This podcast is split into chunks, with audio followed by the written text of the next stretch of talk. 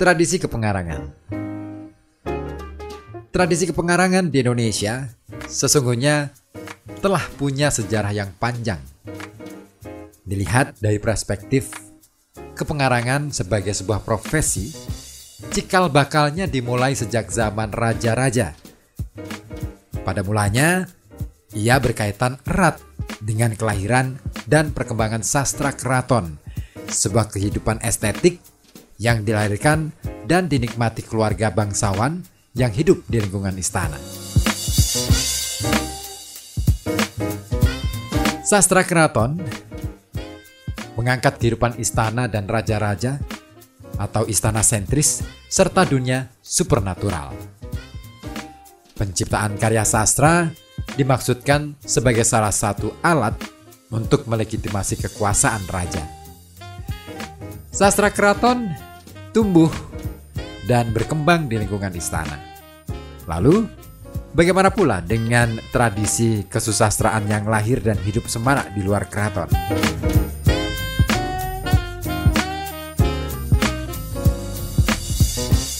Dalam konteks inilah, kita mesti melihatnya dari tradisi lisan atau istilah lainnya oral tradition yang penyebarannya dari mulut ke mulut. Ia mungkin saja dihadirkan untuk keperluan memuja para leluhur, sekadar ungkapan sukacita, dan dimaksudkan untuk menghibur atau sebagai peringatan atas satu peristiwa atau asal-usul kejadian. Para tukang cerita, pawang, atau orang-orang yang dituakan, seperti kepala suku atau ketua adat, menyampaikan sastra lisan lantaran ia punya peranan penting dalam masyarakat. Dan bukan semata-mata karena penguasaannya pada cerita-cerita yang sering dianggap sakral itu.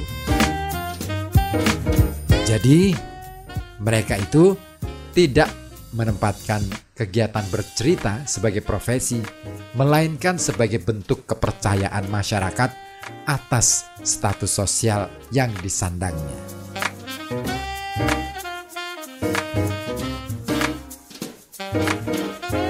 Tradisi kepengarangan sebagai profesi khusus dimulai dari lingkungan keraton yang diperankan golongan bangsawan. Dalam hal ini, yang dimaksud profesi kepengarangan atau kepujanggaan adalah pekerjaan atau aktivitas yang menghasilkan atau mendatangkan keuntungan tertentu. Pihak kerajaan biasanya memberi balas jasa atas profesi itu dalam bentuk pengayoman. Dalam sistem pengayoman, raja bertindak sebagai pelindung dan kerajaan memberikan berbagai fasilitas tidak hanya kepada pujangga yang bersangkutan, tetapi juga kepada segenap anggota keluarganya. Mengingat pujangga keraton telah menjadi bagian dari keluarga besar kerajaan itu. Ia melakukan pekerjaannya berdasarkan perintah raja atau pesanan pihak keluarga kerajaan. Cara penyampaiannya dapat dilakukan secara lisan atau melalui tulisan tangan, bergantung pada tujuan yang hendak disampaikan.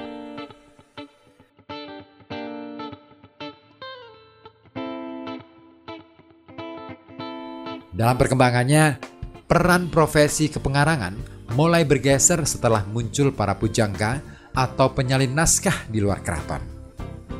Mereka hidup sebagai bagian dari sistem sosial dengan bentuk tulisan sebagai manifestasi profesinya. Hubungan dengan audiensnya juga bergeser dari hubungan yang bersemuka dan langsung antara pembawa cerita dan pendengar dalam tradisi lisan ke hubungan yang tidak langsung antara pengarang atau penyalin dan pembaca dalam tradisi tulis. Sebelum mengenal tulisan, kesusastraan tumbuh dan berkembang secara lisan. Mengingat penyebarannya dari mulut ke mulut dalam sastra lisan, terdapat begitu banyak versi yang satu dengan yang lainnya mengalami penambahan atau pengurangan di sana-sini. Cerita-cerita si Kabayan misalnya. berkembang di daerah Pasundan dengan lebih dari puluhan versi. Sangat mungkin pula orang kemudian membuat cerita lucu lainnya dengan mengambil Sikabayan sebagai tokohnya. Bahkan di beberapa daerah di Pasundan, masyarakat percaya akan keberadaan Sikabayan. Tidak sedikit pula orang yang berziarah ke makam-makam yang dipercayai sebagai kuburan Sikabayan.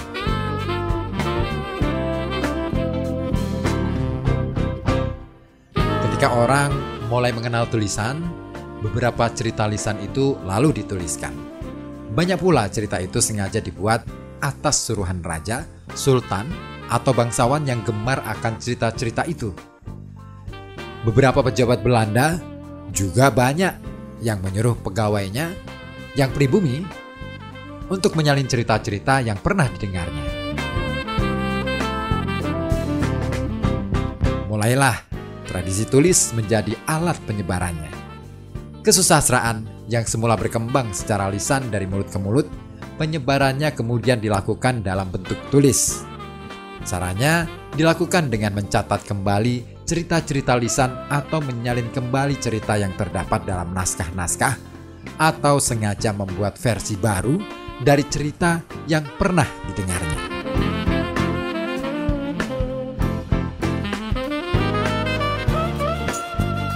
Belum dikenalnya alat cetak menyebabkan penyebaran cerita dalam naskah-naskah itu dilakukan lewat tulisan tangan atau dengan penyalinan kembali.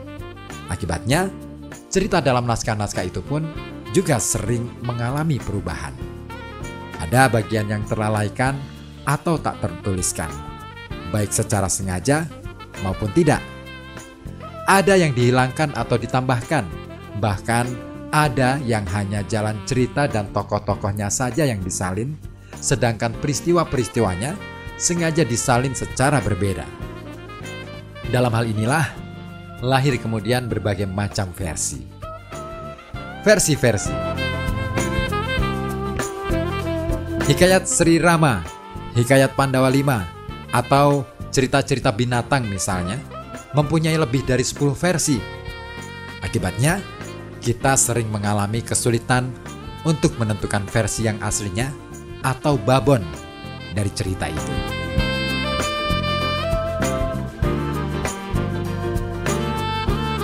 Ketika alat cetak diperkenalkan, terjadi perubahan besar dalam tradisi kesusastraan di Nusantara.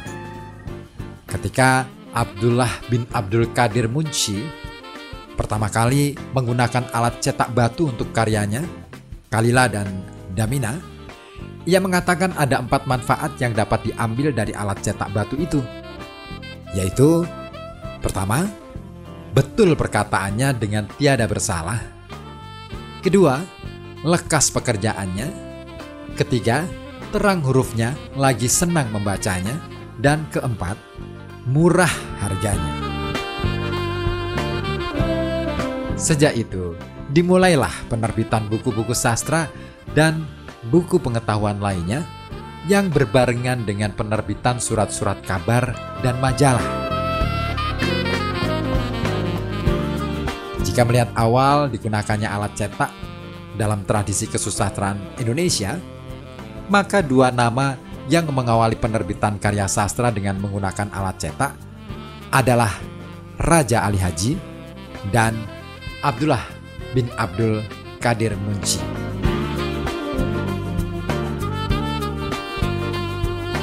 Dari sinilah sesungguhnya tradisi kepengarangan dan kesusastraan Indonesia modern dapat kita telusuri.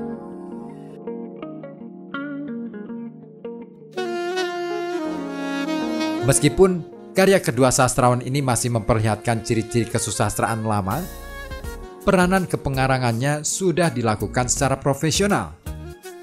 Dengan demikian, peranan kepengarangannya juga dilakukan sebagaimana yang terjadi dalam masyarakat modern. Di Betawi pada abad ke-19, Muhammad Bakir bin Sofyan bin Usman Fadli juga telah merintis pekerjaan mengarang sebagai sebuah profesi. Ia menulis naskah dan kemudian meminjamkannya kepada masyarakat dengan bayaran tertentu. Sebuah naskah yang ditulis Muhammad Bakir berjudul Hikayat Maharaja Grebek Jagat menunjukkan hal tersebut. Di dalam kolofon atau istilah lainnya catatan yang biasanya terdapat di belakang halaman judul, tertulis keterangan bahwa naskah itu selesai ditulis pada 29 Rabiul Akhir Hijratun Nabi Shallallahu Alaihi Wasallam sanat 1310 atau bertepatan pada tanggal 19 November 1892. Di sana Muhammad Bakir juga menyatakan dirinya sebagai orang miskin, kepala keluarga yang mempunyai tanggung jawab kepada anak dan istri, tidak mempunyai pekerjaan dan hanya mengharapkan pemasukan uang dari penyewaan hikayat. Untuk setiap naskah yang disewa sehari semalam, dikenakan tarif 10 sen. Ada sekitar 30-an naskah yang ditulis atau disalin Muhammad Bakir. Agar masyarakat mau menyewa naskahnya, ia menulis sendiri ceritanya dengan tema yang bermacam-macam, mulai dari cerita wayang sampai hikayat Syekh Abdul Qadir Jailani atau menyalin kembali naskah-naskah milik ayahnya. Selain menulis dan menyewakan naskah, Muhammad Bakir juga kerap diminta oleh beberapa pejabat Belanda untuk menyalin, menulis cerita, membuat surat atau mencatat peristiwa yang dianggap penting atau sekadar membacakan naskah sesuai keperluan pejabat yang bersangkutan. Jadi, sejauh pengamatan, pekerjaan mengarang sebagai sebuah profesi telah dirintis Muhammad Bakir ketika itu. Sebab pekerjaan yang hanya dapat dilakukan oleh orang-orang yang mempunyai keahlian menulis, mengarang.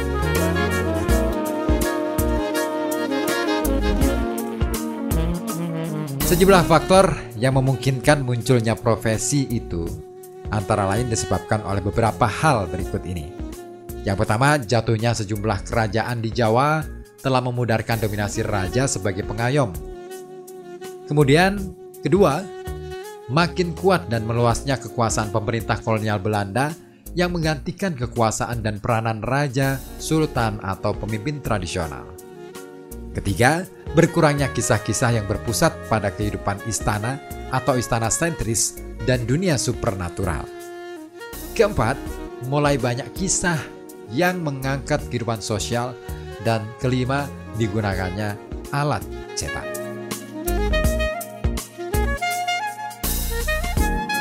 Itulah sebabnya beberapa penulis seperti Muhammad Bakir, Abdullah bin Abdul Qadir Munshi, dan Raja Ali Haji peranannya mulai ditempatkan sebagai pekerja profesional.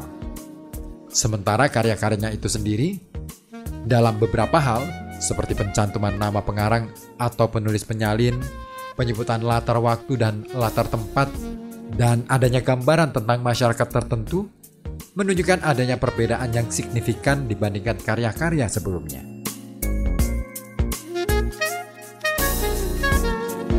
Perbedaan itulah yang menandai ciri-ciri kesusastraan modern dengan ciri-ciri kesusastraan sebelumnya.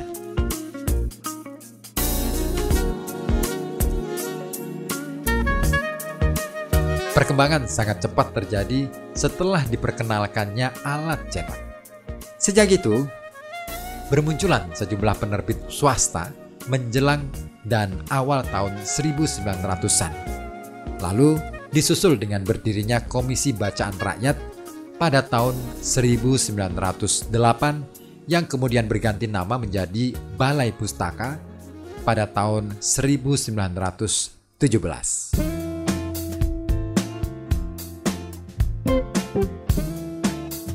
Peranan profesional sastrawan dengan demikian makin memperoleh bentuk dan kedudukan yang jelas di tengah masyarakat.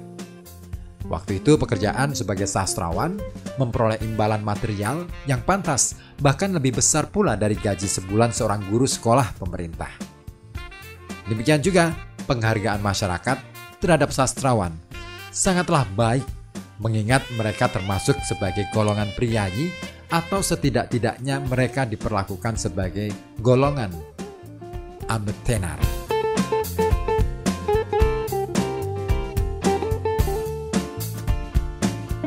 Mengingat peranan alat cetak sangat besar, artinya bagi penerbitan karya-karya sastra, maka profesi sastrawan menuntut adanya syarat-syarat tertentu. Ada syarat dan tuntutan yang tidak tertulis yang memungkinkan seseorang dapat memasuki profesi kesusastraan. Pertama, mengingat penyebaran dan bentuk reproduksi karya sastra dalam kesusastraan modern dilakukan secara tertulis dan tidak secara lisan sebagaimana yang terjadi dalam penyebaran kesusastraan tradisional atau sastra lama, maka syarat pertama yang harus dimiliki seorang sastrawan adalah kemampuannya dalam hal baca tulis. Seseorang yang berbakat, bekerja, dan mahir sebagai tukang cerita belum tentu menjadi seorang sastrawan yang berkualitas. Jika ia tidak menguasai baca tulis. Jadi, syarat pertama yang harus dimiliki sastrawan, terutama di zaman modern, adalah penguasaan membaca dan menulis. Kedua, penguasaan membaca dan menulis bagi sastrawan sesungguhnya hanya sebagai syarat awal.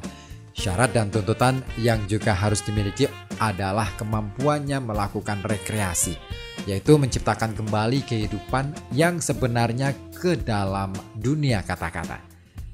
Bahasa dimanfaatkan sebagai alat atau media untuk membangun sebuah dunia imajinatif, dunia rekaan.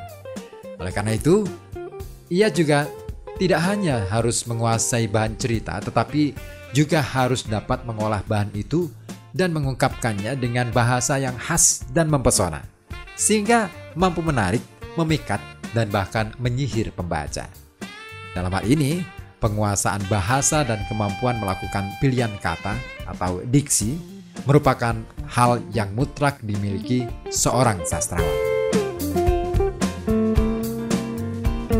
Ketiga, penguasaan syarat yang pertama dan kedua sebenarnya hanya akan mengantarkan seseorang menjadi sastrawan jika dalam dirinya ada bakat luar biasa.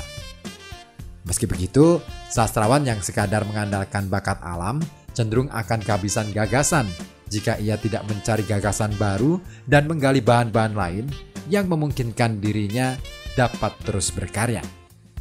Tanpa itu, ia hanya akan menjadi sastrawan kelas rendah. Dalam hal inilah, syarat lain yang mutlak dimiliki sastrawan adalah penguasaan ilmu pengetahuan ia harus memiliki wawasan yang relatif luas. Ia juga dituntut punya pengalaman langsung tentang berbagai aspek kehidupan sosial. Di sinilah sastrawan terus-menerus dituntut untuk meluaskan wawasan, melebarkan pengetahuan, dan memperkaya pengalaman lahir batinnya. Penguasaan syarat-syarat itu tentu sangat ditentukan oleh faktor pendidikan, pergaulan, dan pengalaman. Dengan begitu, pendidikan, pergaulan, dan pengalaman bagi profesi sastrawan merupakan faktor penting dan menentukan keberhasilan seseorang yang menempatkan profesi sastrawan sebagai pekerjaan. Bakat alam semata-mata tidak berlaku bagi profesi sastrawan masa kini, kecuali jika kemudian meluaskan wawasan pengetahuan lewat pendidikan formal non-formal atau lewat buku-buku yang dibacanya. Periksalah pendidikan para sastrawan Indonesia sebelum merdeka. Mereka adalah kaum terpelajar yang memperoleh pendidikan Belanda. Di dalam pendidikan Belanda itulah mereka memperoleh banyak pengetahuan tentang berbagai hal dan terutama karya-karya sastra dunia. Dengan bekal pendidikan Belanda, mereka berhasil memasuki dunia kesastrawanan. Mengingat sastrawan Indonesia sebelum perang sebagian besar berpendidikan Belanda, maka profesi kesastrawanannya di tengah masyarakat ditempatkan dalam status yang terhormat. Masyarakat memandangnya sebagai priayi, golongan terpelajar, dan kelompok elit. Bahkan sering juga dianggap sebagai amatenar atau pegawai pemerintah. Itulah citra sastrawan sebelum merdeka. Penghargaan masyarakat pada sastrawan masa itu terutama karena kepriyaian dan keterpelajarannya. Awal merdeka, terutama pada periode 1945 sampai 1950, peranan sastrawan tidak berada di medan pertempuran dan ikut mengangkat senjata. Namun, peranannya dalam mengobarkan semangat perjuangan dan menumbuhkan perasaan cinta tanah air mendapat tempat yang cukup terhormat munculnya berbagai organisasi seniman yang secara langsung ikut membantu perjuangan mempertahankan kemerdekaan, mendapat sambutan dan penghargaan yang baik. Dengan begitu, peranan mereka baik dalam pergaulan dengan tokoh-tokoh pergerakan dan aparat pemerintah maupun dalam kehidupan di tengah masyarakat ditempatkan secara proporsional sesuai dengan profesi kesastrawanannya. Bahkan, ketika itu, pemerintah sengaja memberi santunan semacam gaji bulanan kepada sastrawan ataupun seniman. Mengingat peranannya dianggap penting dalam menumbuhkan semangat cinta tanah air. Oleh sebab itu, sangat mengherankan jika profesi kesastrawanan di Indonesia kini tidak diperlakukan seperti masa sebelumnya. Bahkan ada anggapan bahwa profesi sastrawan merupakan profesi yang tidak menjanjikan, pekerjaan yang tidak penting, pegawai yang tidak punya kantor dan penghasilan atau gaji tetap, dan tak menghasilkan materi berlimpah. Citra yang negatif itu diperparah oleh sikap dan perilaku mereka yang bercita-cita menjadi sastrawan atau yang sekadar ingin disebut sastrawan tetapi tidak mempunyai kemampuan untuk itu. Sikap dan perilaku mereka yang urakan, eksentrik, dan tingkah laku yang aneh-aneh menyebabkan masyarakat makin antipati terhadap profesi sastrawan. Akibatnya citra sastrawan dalam pandangan masyarakat makin tidak populer. Akibat citra sastrawan yang demikian itu, pada gilirannya karya sastra diperlakukan sebagai karya para penghayal yang tidak penting dan tidak mendatangkan manfaat apa-apa. Bahkan berkembang anggapan di masyarakat bahwa membaca karya sastra sebagai kegiatan yang membuang-buang waktu. Mereka yang membaca karya sastra dicap sebagai pemalas. Inilah pandangan sebagian besar masyarakat kita mengenai profesi sastrawan dan memperlakukan karya sastra sebagai karya tidak mendatangkan manfaat apa-apa.